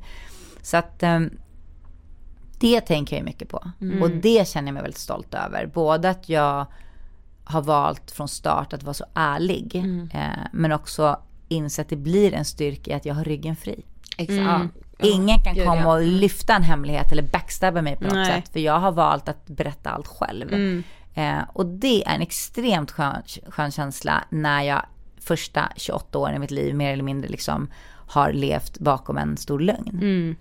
Att så här, jag vill inte, jag vill aldrig, aldrig någonsin mer ljuga. Inte ens en vit lögn. Jag kan liksom inte ljuga. Alltså det, är så här, det tar hela min kropp, det, det tar emot i hela mig. Det är, det är klart med det. Och det är ju en, en styrka, att leva sin sanning. Precis. Verkligen. Då har vi kommit till sista frågan, tyvärr. Vad inspirerar dig? Det är mycket som, alltså människor överlag inspirerar mig. Och inte en specifik människa utan att plocka eh, upplevelser och citat från, från olika människor. Men framförallt människor som vågar leva, leva sin sanning och leva utefter deras egen själ. Och våga stå upp för sig själva och verkligen lyssna till sitt inre barn. Och ge sig själva kärlek också. Det inspirerar mig enormt för jag vet att det går. Eh, och att våga leva fri i själen och inte vara så kedjad av samhällets eh, normer och krav. Så ju fler människor som vågar flyga fritt, det inspirerar mig väldigt mycket. Mm, Verkligen. Tack så jättemycket för att du ville gästa Ångestpodden. Tack själva. Tack. Vi är denna veckan sponsrade av Ellos. Ja, och som ni vet så har ju vi tagit fram programpunkten The F-word för att vi vill lyfta kvinnoskapet och ge er också en möjlighet att dela med er av när ni känner att ni blir- blir behandlade annorlunda för att ni är kvinnor. Jag tänker att jag ska läsa en historia. Mm. Så här. Alltså så himla bra grej med the F-word, big up. Jag tänker direkt på alla gånger jag har hamnat i diskussioner kring att jag inte vill ha barn. Du är ung, du har tid att ändra dig, du kommer ändra dig. Eller när jag säger att mitt högsta mål i livet är att jobba i fält för Läkare Utan Gränser, helst i krigsdrabbade områden och få kommentaren oj, dit är det nog svårt att ha med sig framtida familj. Att det alltid ska ses som något avvikande när en kvinna inte är intresserad av att skaffa barn. Alltså jag blir, jag blir helt, du vet uppjagad Jag också. av att de här kommentarerna, ja men att de ens existerar är i min värld helt sinnessjukt. Har du funderat mycket på om du vill ha barn? Ja det har jag gjort, verkligen. Eller jag har, det känns mer som att jag började fundera när jag kände att så här, det är nog inte självklart att jag vill ha barn. Och också då det här sjuka i att nästan vara lite rädd för att säga det. För Sofie- att bara det är skamfyllt. Ja, alltså jag har också varit så i perioder att jag absolut inte har vetat om jag vill ha barn. Nej. Och att jag känner typ en skuld som kvinna, eller skam.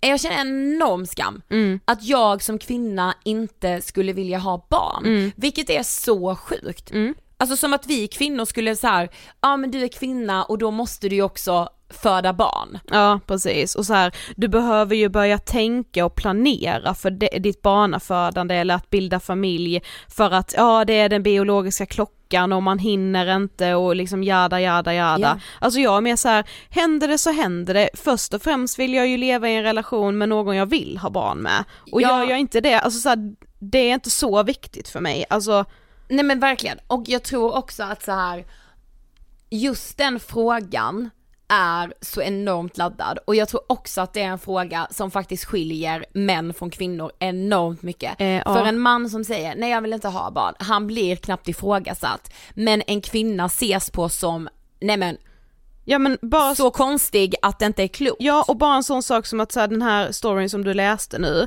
sluta skjuta ner en kvinnas högsta dröm, Ja. som alltså är att åka ner på fält, vara i ett krigsdrabbat område, det är Ja. väl hur stort och fantastiskt som helst Precis. att någon vill göra detta. Att sluta första- skjuta ner den drömmen. Att så första tanken kring det skulle vara, oj, gud vad jobbigt att du inte kan ha med dig din familj dit. Ja eller va, men hur ska du då göra med barnen liksom? Exakt, alltså ja som sagt, ni kan fortfarande dela med er under parollen the F-word. Ja. Vi och Ellos älskar att höra era historier. Skicka ett mail till angestpodden at ingetfilter.se.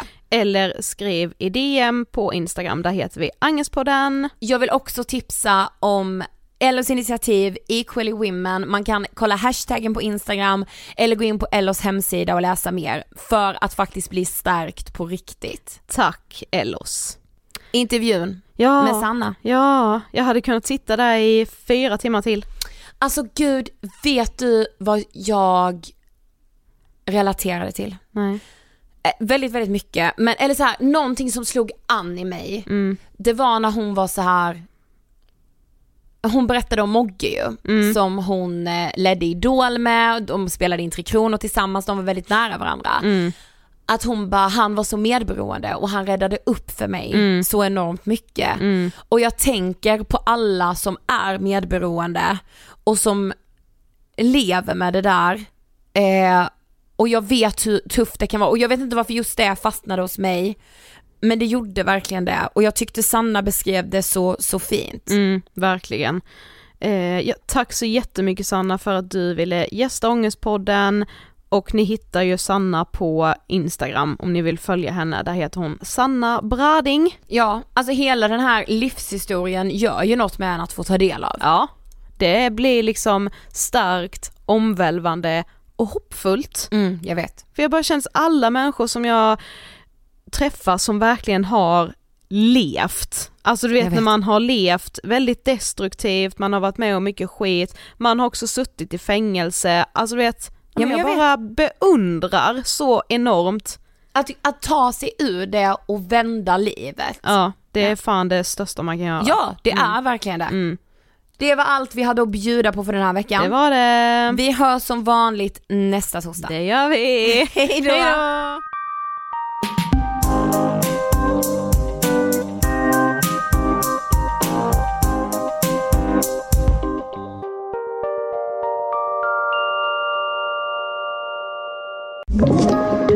Podplay.